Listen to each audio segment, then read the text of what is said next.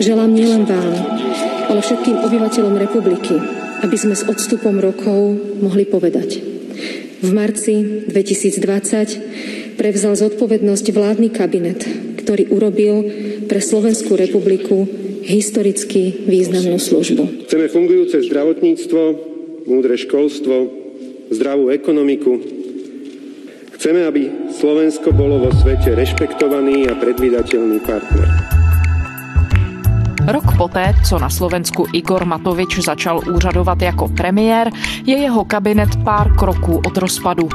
Vleklou vládní krizi urychlilo Matovičovo rozhodnutí přivést na Slovensko, bojující s pandemí podobně úporně jako Česko, ruskou vakcínu Sputnik jak se politik, označovaný za výjimečně zdatného v komunikaci s voliči, ocitl v pozici manažera, kterému se vláda rozpadá pod rukama, jakým lídrem se během pandemie ukázal být a splnil touhu Slováků po nové politické kultuře a stylu? Je pátek 19. března, tady je Lenka Kabrhelová a Vinohradská 12, spravodajský podcast Českého rozhlasu. Pavlína Nečásková je zpravodajkou Českého rozhlasu na Slovensku. Ahoj Pavlíno. Ahoj Lenko. Pavlíno, my jsme tady ve Vinohradské 12 spolu před rokem a něco málo mluvili o tom, jak se Slovensko vydává do nových politických vod. Volby tehdy skončily docela překvapením. Do premiérského křesla se dostal Igor Matovič, politik, který sice byl docela známý, etablovaný na politické scéně další dobu, ale na kterého by předtím, co by na lídra kabinetu sázel jenom málo kdo. Ty jsi tehdy mluvila o tom, že i Slováci se ptají na to, kdo je vlastně Matovič. Co jsme se o něm za ten rok dozvěděli? My jsme se dozvěděli to, co jsme možná aspoň trošku tušili, a to, že Igor Matovič je velmi komplikovaný komplikovaná osobnost, že jeho nepředvídatelnost nezná mezí a že nelze odhadnout, co udělá Igor Matovič za pět minut, co udělá za dvě hodiny, co udělá zítra. No a odhadnout to nedokážou ani jeho koaliční partneři a právě proto se teď slovenská vláda rok od toho, co vlastně přišla k moci, dostává do dosud největší koaliční krize, protože prostě vše ukazuje na to, že s Igorem Matovičem je nesmírně těžké vládnout. Pokud tedy pátráme po příčinách toho, že slovenská vláda je skutečně na pokraji rozpadu, kde bychom měli začít? Kam nás vezmeš? Tak ona v podstatě měla velmi náročnou startovní pozici, kterou neměl vlastně nikdo. Začínala pandemie. Spomínané priority však idú na teraz bokom. Cieľom novej vlády je momentálne boj so šíriacím sa koronavírusom. Máme liek na koronavírus. Je to spolupatričnosť, zodpovednosť a odhodlanie všetkých ľudí, ktorým na Slovensku skutočně záleží. Zároveň tato vláda je složená se samých nováčků. Téměř všichni její členové nikdy neseděli na ministerských postech, nikdy nepracovali ani na ministerstvech, takže oni by se v podstatě měli začít pomalu učit teprve nějaké ty postupy a přišli do takové zásadně náročné situace, která je náročná i pro velmi zkušené politické lídry. Zároveň přicházeli v situaci, kdy ta atmosféra na Slovensku byla velmi bouřlivá. Všechny ty změny odstartovala vražda novináře Jana Kuciaka a Martiny Kušnírové. Skončila 12 let trvající vláda premiéra Roberta Fica. Po něm nastoupil další premiér Petr Pellegrini, ale stále to bylo ve stínu Roberta Fica. No a Slováci strašně chtěli změnu. A toho využil Igor Matovič. Chceme zo Slovenska štát, kde politici nebudú okrádať svojich vlastných voličov a kde bude nulová tolerancia korupcie. Protože měl prostě přesvědčivější předvolební kampaň než jeho soupeři. No a do této situace přišel, kdy lidé skutečně toužili po té změně. Zároveň tedy přicházela nová zásadní krize v souvislosti tedy s šířením nákazy koronaviru a Igor Matovič se toho měl nějak chopit. Cítím mezi lidmi také také české slovo použijem, pozdvižení, také, že sa, sa mi zdá, že ľudia si povedali, že naozaj stačilo. V podstatě tam nebyly nikdy jasné cíle, co Igor Matovič ve vládě chce dokázat. Tam bylo to jedno jediné a to, že on chce bojovat s korupcí. On sám to pojmenovával tak, že ta situace je skutečně bouřlivá, že lidé prostě potřebují něco nového, že on je rád, že jim to symbolizuje, že v podstatě to vůbec nečekal takový úspěch ale že všechno změní. On slíbil, že prostě teď bude na Slovensku dobře. neviem, ako sa hovorí, že asi tá posledná klapka v tých ľuďoch nejakým spôsobom dozrela a si povedali, že, že vážne sa musia za, znova začať zaujímať o štát a pokúsiť sa skorumpovaných politikov poslať tam, kam patria. Pri mne hovorím, že vôbec sme nečakali, že by sme mali byť lídrami opozície, nikdy sme nad tým nerozmýšľali, ani sme tak neuvažovali. Skôr sme vždy uvažovali, že chceme pomôcť eh, tým ostatným stranám, aby sme to spoločne dokázali. Co si myslíte, že se teď děje třeba v základně smeru, když vidíte výsledky a vidí tam vás? Tedy? Ja si myslím iba to, čo tam dělalo doteraz, len nevypijú za večer 5 filiaž koniaku, ale vypijú 20. Ty jsi s ním tehdy mluvila před tím rokem, mluvila si i se spoustou lidí. Co ti všichni tehdy říkali? Říkali, že už jsou unaveni z toho, co předešlé politické reprezentace předváděli, že potřebují něco nového. Tak proč jste dnes tady? Tí, ktorí nám tam vládnu, aby už odtiaľ išli preč navždy. Je čas. Lebo to mafia. A Igor Matovič je ten, který věříte, že to dokáže? Áno, určite áno. Proč zrovna Igor Matovič? Co, co, co, co, on je ten, který ja to změní? Áno, ja ho dlhodobo pozorujem. Nech môžu hovoriť o ňom, že je šašo, že je uh, nesvojprávny, alebo že je nejaký uh, vyšinutý, nie je vyšinutý, vie, čo robí, vie, čo robí a nie je to ľahké. Nie je to ľahké sa postaviť a takto vystupovať a rozprávať a odhalovať všetko, tu špinu. A zároveň to byli lidé, kteří byli nakloněni tehdy Igorovi Matovičovi a jim se prostě líbilo ten jeho živelný styl. Oni věřili, že on skutečně netouží po ničem jiném, než dosáhnout toho, aby prostě na Slovensku skončila korupce, že on je tím, kdo se vlastně trošku obětoval a že to je ten důvod, proč do politiky vstoupil. A samozřejmě ten jeho styl je tak neotřelý a nestandardní a to, jakým způsobem on vystupuje, jak komunikuje, tak to jim bylo hrozně sympatické. Igor Matovič se tedy ujímal vlády ve chvíli, kdy se celý svět nořil do první vlny covidové pandemie. Slovensko tou první vlnou prošlo docela zdárně. Jak se to Igoru Matovičovi povedlo a jeho nové vládě, kde, jak si říkala, málo kdo měl nějakou politickou zkušenost? Já si úplně nejsem jistá, do jaké míry na tom právě měla odpovědnost ta vláda, protože v podstatě i Česká republika tou první vlnou prošla velmi obstojně, ale těch případů bylo diametrálně méně. Musíme říct, že slovenská vláda k tomu přistoupila velmi striktně. Začínajú sa správy. Dobrý večer. Ďalšie prísne opatrenia na zamedzenie šírenia koronavírusu dotknú sa škôl, dopravy aj nákupných centier. Od pondelka budú zatvorené všetky školy od materských až po vysoké. Od piatku od 7 hodiny je zastavená medzinárodná letecká doprava a obmedzená bude tiež osobná medzinárodná vlaková, autobusová a lodná doprava. Zatvoria sa všetky zábavné podniky, diskotéky aj nočné bary.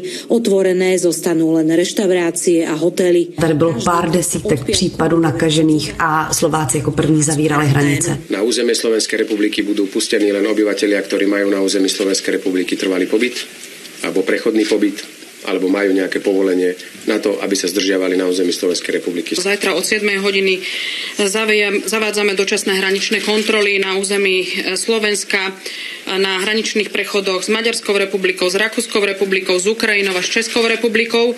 Zatiaľ otvorené zostávajú hraničné prechody s Polskou republikou, ale na túto, túto situáciu budeme priebežne monitorovať. Vytvořili jakousi státní karanténu, posílali lidi, kteří se vraceli pouze Slováci, protože nikdo jiný se nemohl vrátit ze zahraničí zpět sem na Slovensko, tak museli prostě absolvovat pobyt v nějakých státem hlídaných ubytovnách. Bylo to všechno velmi přísné. Zároveň v té první vlně přišel takový šok, bych tomu řekla, na tu slovenskou společnost, kdy si Slováci uvědomili, že tuzemské zdravotnictví je ve velmi špatném stavu, že to může dopadnout hodně špatně, že když se nebudou snažit všichni společně, tak ty záběry, které třeba jsme vydávali z Bergama v Itálii, tak prostě se můžou velmi rychle odehrát i na Slovensku. Takže to všechno hrálo v tu chvíli Igorovi Matovičovi do karet a samozřejmě, jak říkám, bylo to velmi všechno přísné. A ty první týdny vypadala tato vláda velmi jednotná. Igor Matovič nastoupil okamžitě velmi razantně. Jeden den prostě skládal přísahu nebo přebíral úřad vlády a druhý den už téměř odvolával prostě nějaké funkcionáře. Takže to vypadalo všechno velmi energicky a velmi slibně. Pak ale přišel podzim a ta situace se zlomila docela ostře a pokračovala až do chvíle, kdy teď je na tom Slovensko ne tak špatně jako Česká republika, ale přece jenom ne nějak dobře. Co se stalo? Tam je určitě několik faktorů, při nejmenší něco, co asi vláda nemohla ovlivnit a že prostě ta nákaza se znovu začala šířit, ale na tom se mnohem víc začaly ukazovat slabiny této vlády, především slabiny Igora Matoviče. On tvrdí, že třeba chyba byla, že v létě otevřeli hranice a lidé mohli jezdit levnými vlaky do Chorvatska, že to velmi ta opatření povolili, zmírnili a je pravda, že pak s tím nástupem té druhé vlny ta vláda dlouho váhala, jak moc má být přísná. Ve srovnání s tím, že na jaře to bylo okamžitě, zavíralo se prostě bez diskuze, byl jakýsi částečný lockdown, tak najednou s tím váhala, vymýšlela různá jiná řešení, bylo to všechno velmi chaotické, každý týden se ohlašovalo něco nového, tady je několik orgánů, které o tom rozhodují, je tady konzílium epidemiologů, je tady poradní další orgán ministerstva zdravotnictví, tady krizový štáb, je tady samotná vláda, nikdo se příliš nevyzná v tom, kdo to určuje, nebo takhle my to všichni víme, že to hlavní slovo má prostě Igor Matovič, ale neustále se jedná na všech úrovních, nebo minimálně jednalo v těch předešlých měsících. Každý tvrdil něco jiného, bylo to prostě velmi chaotické. Do toho samozřejmě se hrála svou roli únava občanů, protože stejně jako po celém světě, tak i na Slovensku lidé chtějí žít normálnější život. No a ta situace se úplně začala zvrhávat a samozřejmě je možné, nebo takhle to minimálně prezentují někteří odborníci, ale také někteří politici, že prostě ten přísnější úder, to větší uzavření země mělo přijít o dost dříve, třeba určitě už před Vánoci. Takhle, jak to vyprávíš, tak to vyprávění vykazuje spoustu schodných rysů s tím, co se dělo v České republice nebo ještě děje. Jedna schodná věc, ve které třeba politologové Igora Matoviče přirovnávají k jeho českému protějšku a originálně i krajanovi Andreji Babišovi, je komunikace. Ty jsi zmiňovala, že Igor Matovič je považovaný za marketingově velmi schopného člověka, že byl schopný loni před těmi volbami komunikovat tak, že ho lidé poslouchali, že on je byl schopný oslovovat. Ukázalo se tohle během toho roku jeho premiérské funkce a během toho roku té pandemie jako jeho silná stránka nebo nakonec spíš handicap? Dokázal toho využít? On toho na začátku dokázal naprosto využít a já nevím, jestli to dnes můžeme pojmenovat jako handicap, ale je to spíš věc, která nepomáhá. My jsme se vlastně o tom spolu bavili přesně před tím rokem, že Igor Matovič prostě, když je něco smutné, tak on se rozpláče na té tiskové konferenci. Když je něco veselého, zavtipkuje, zasměje se, občas tedy bohužel i velmi zahranou, to už máme za sebou také několik takových až mezinárodních afér, kdy prostě se mu to doopravdy příliš nepodařilo. Ukrajina žádá omluvu od slovenského premiéra Igora Matoviče za jeho žertovná slova o Zakarpatsku. Předseda slovenské vlády na dotaz, co slíbil Rusku za dodávky vakcíny Sputnik V, odpověděl, že Zakarpatskou Ukrajinu Kyjev už si kvůli tomu předvolal slovenského velvyslance a do Bratislavy poslal protestní notu. No a když je ta situace nějak extrémně vážná, tak Igor Matovič se nebojí sáhnout po nějakém vulgárnějším výrazu a vynadat, tedy zanadávat si před tou veřejností. Ano, to je věc, kterou lidé samozřejmě mají rádi, protože prostě mají pocit, že se s ním lépe stotožní i ti běžní Slováci. Jenže my už jsme viděli v těch předešlých měsících tolik slz, tolik nevodných typů, tolik rozčílení, že ono to vlastně ztrácí efekt. A Igor Matovič je schopný velmi emotivně komunikovat, ale já musím říct, že třeba my jsme během předešlého tři čtvrtě roku slyšeli opakovaně, že Slovensko má před sebou dva nejhorší, nejtěžší měsíce od druhé světové války. A ty dva měsíce stále neskončily, nebo Igor Matovič na ně stále čeká. Zároveň Igor Matovič několikrát přišel s velmi emotivním výstupem, že teď jde zachránit Slovensko, teď se to podaří, teď pojďme všichni dohromady se nechat celoplošně otestovat a pak to bude už úplně všechno perfektní. Pak děti půjdou do škol, lidé budou moct chodit do restaurací, do hospod, budeme chodit do kin, budeme se prostě prostě hrozně dobře.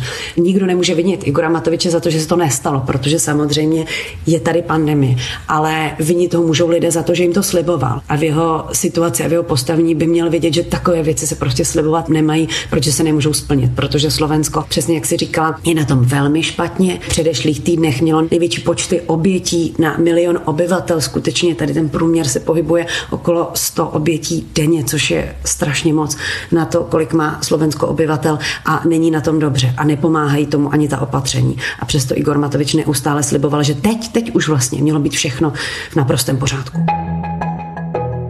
No Matovič se postupně začal dostávat i do konfliktu se svými kolegy z vlády, včetně vicepremiéra a ministra hospodářství Richarda Sulíka, šéfa koaliční strany Svoboda a Solidarita. Čeho jsou Pavlíno ty spory projevem? Co se v nich vlastně zobrazuje? Jde o odlišné politické směřování nebo odlišné směřování toho managementu nebo toho vedení? Kdybych to úplně řekla nejjednodušeji a tak nejvíc lidsky, tak bych řekla, že to jsou nárazy dvou velkých ek že je to prostě takovýhle souboj dvou mužů, kteří neradi ustupují, ale ono je to také z toho důvodu, že Igor Matovič prostě nechce nikomu ustupovat, on chce přicházet s těmi nápady, on chce být tím, kdo rozhoduje.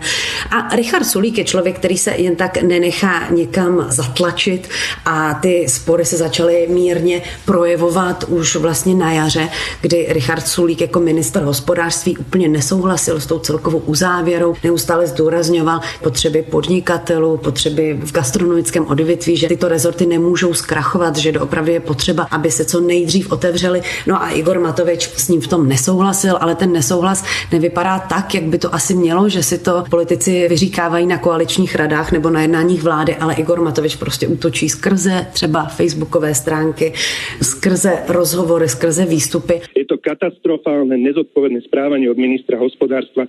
Samozrejme, že to je na jeho demisiu a bol by som veľmi rád, aby ju podal ešte do Vianoc. Igor Matovič je schopen jít do vysílání soukromého rádia a nazvat tam vicepremiéra idiotem. To se omlouvám, to je citace, kterou Igor Matovič jakožto premiér řekl. Áno, to je zodpovedné. Kdo bude potom chodiť pochovávať tých ľudí? Sulik osobne? Bude po nociach kopať tie hroby?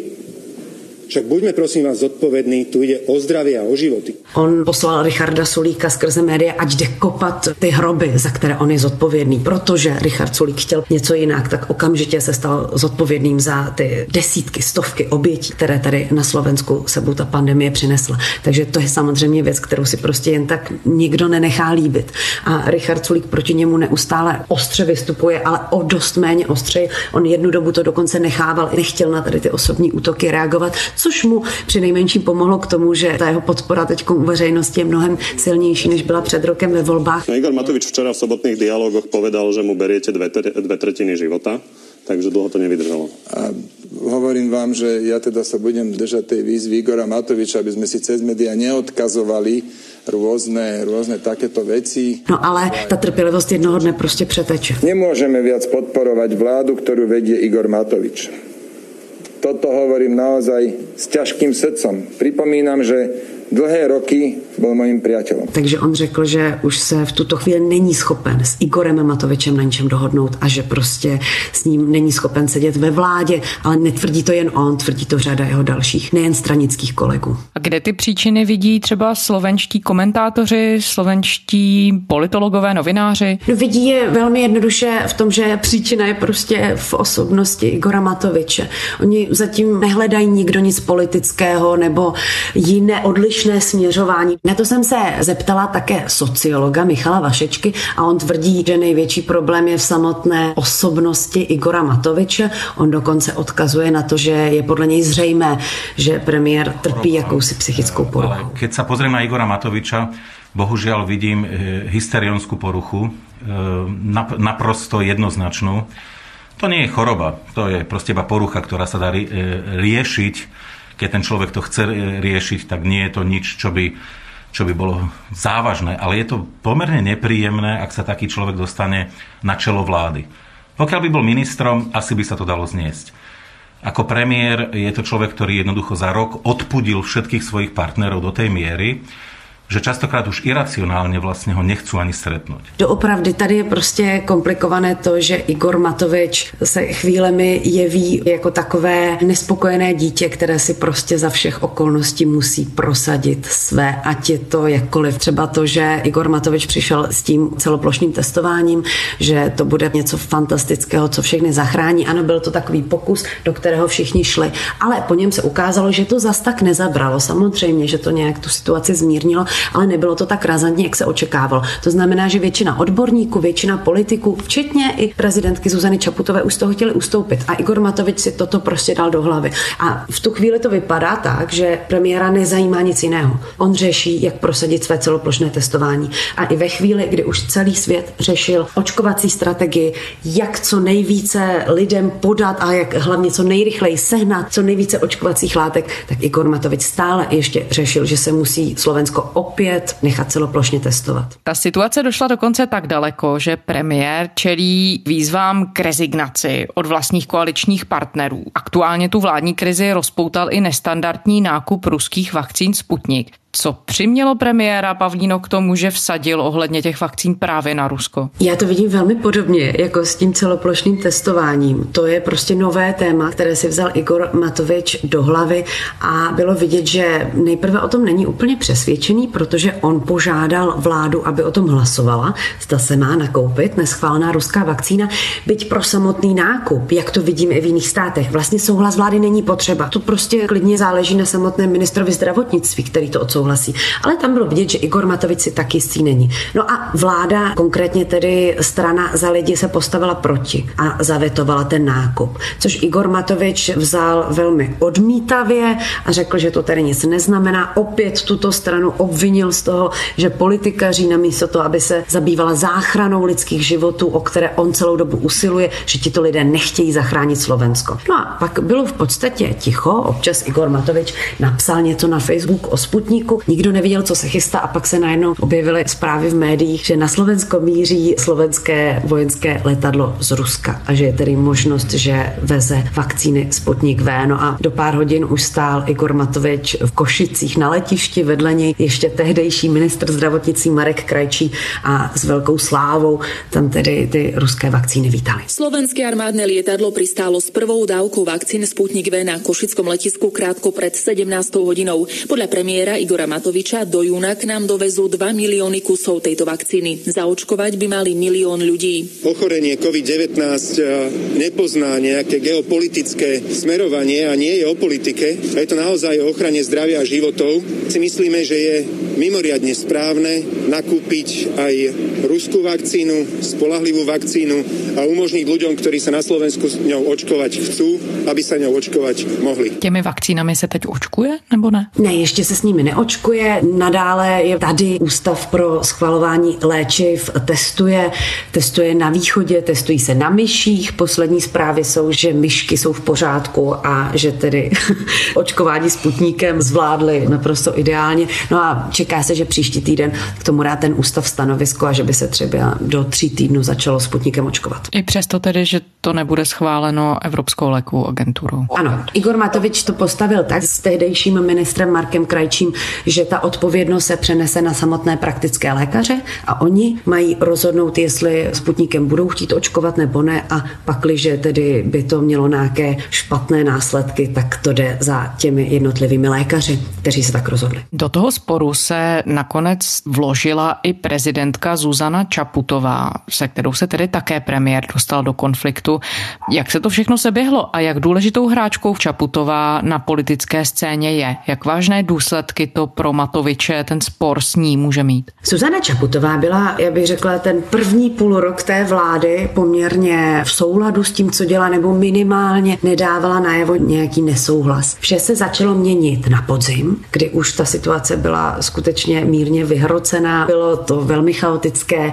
Ty spory Richarda Sulíka a Igora Matoviče začaly vyostřovat. No a začalo to tím, že Zuzana Čaputová v rozhovoru pro jednu soukromou rozhlasovou stanici řekla, že by měl premiér Matovič zvážit, že přenechá manažování této krize někomu jinému, z vlády třeba. Já si myslím, že naozaj nie len čas na zmenu prístupu, ale možno aj na to, aby pán premiér zvážil odovzdanie manažovania covidovej krízy inému členovi vlády.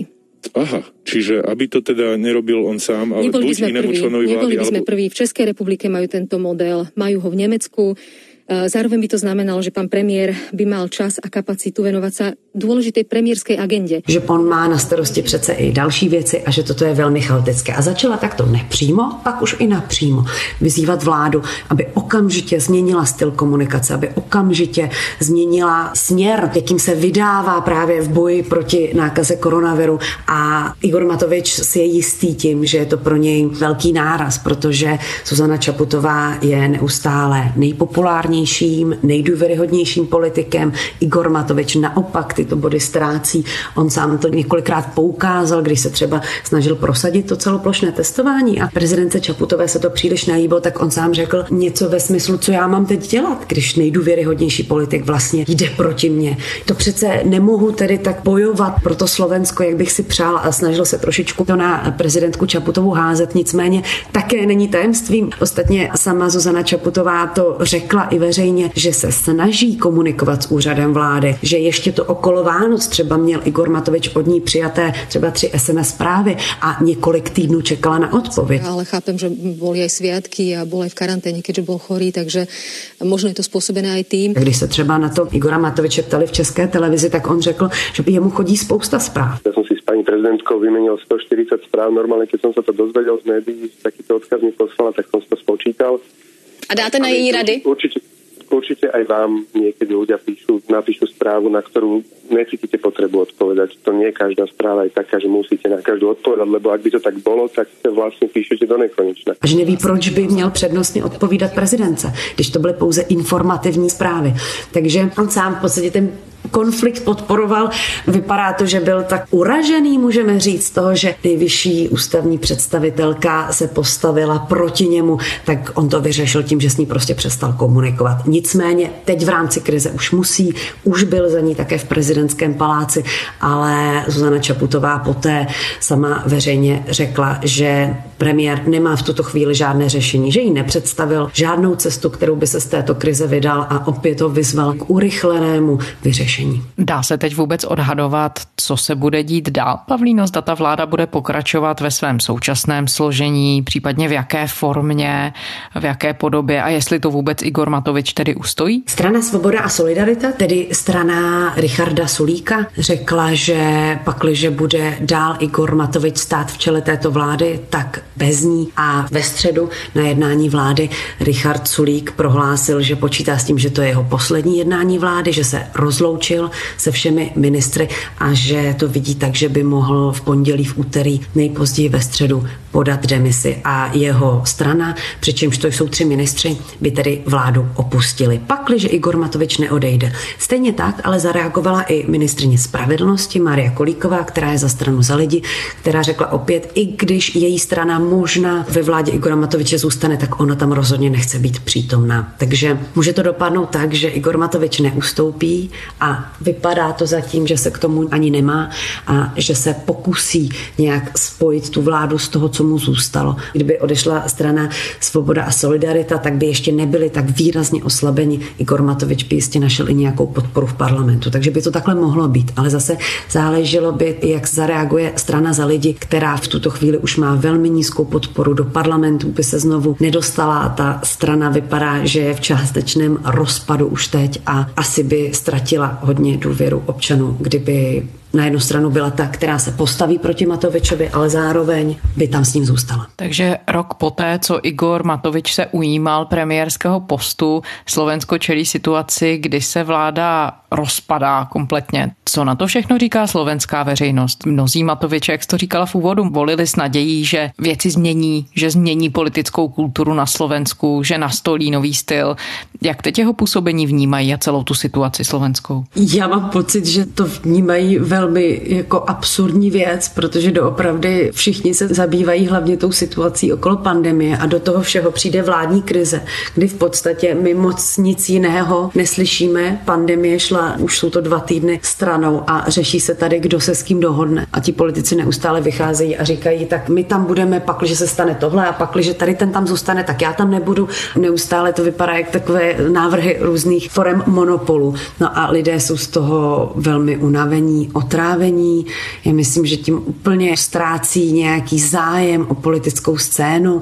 Igor Matovič tím, že komunikuje hlavně přes Facebook, tak ono to je poměrně absurdní, když člověk se má dozvědět, co se bude dít vlastně v zemi, jaká opatření se přijmou podle toho, aby se tedy podíval na facebookovou stránku premiéra, co tam tedy píše a co se mu zrovna líbí a kdo ho zrovna ten den rozčílil.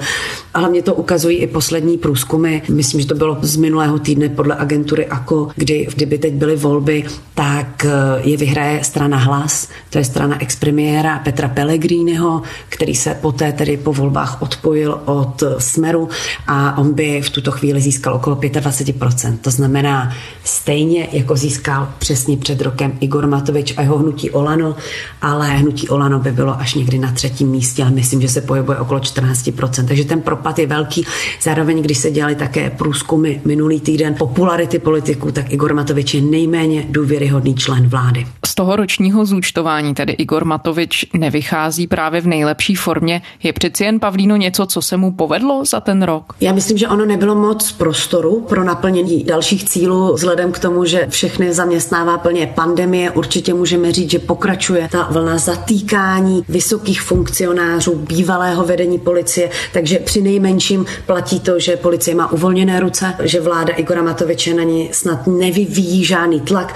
No a musíme také zmínit, že bohužel ta vláda je zastíněna osobou Igora Matoviče, ale je tam i řada šikovných lidí. Možná nikdy předtím nemělo Slovensko tak dobré ministerstvo zahraničí. Šéf diplomacie Ivan Korčok je skutečně ostřílený diplomat, on měl vysokou funkci i v OSN a doopravdy nikdy asi nebylo Slovensko tak jasně vymezené z této strany pro evropsky, pro západně. Doopravdy pokaždé, když se stane něco, co by jenom naznačilo nějaké vybočení, tak Ivan Korčok okamžitě se ozývá a chce k tomu vysvětlení. Tak to bylo i vlastně s nákupem vakcín Sputnik V, že Ivan Korčok okamžitě si svolal nejvyšší ústavní činitele a žádal tedy vysvětlení, jestli se nějakým směrem mění ten kurz Slovenska nějak více na východ, když tedy vítáme ruské vakcíny a ty americké nebo ty německé jsme prostě nevítali. Zároveň je možné zmínit také ministrině spravedlnosti Máriu Kolíkovou, která je také velmi silná ve svém postavení, ale zároveň stejně jako Ivan Korčok, i ona je tím člověkem, kteří prostě, když Igor Matovič zůstane v čele vládního kabinetu, tak oni už tam nebudou. Pavlína Nečásková, zpravodajka Českého rozhlasu na Slovensku. Pavlíno, děkujeme. Taky děkuji. A to je zpáteční Vinohradské 12 vše. Poslouchejte nás i o víkendu. Všechny naše díly najdete v podcastových aplikacích a také na serveru iRozhlas.cz. Pište nám, naše adresa je vinohradská12 zavináč rozhlas.cz. To byla Lenka Kabrhelová. Těším se v pondělí.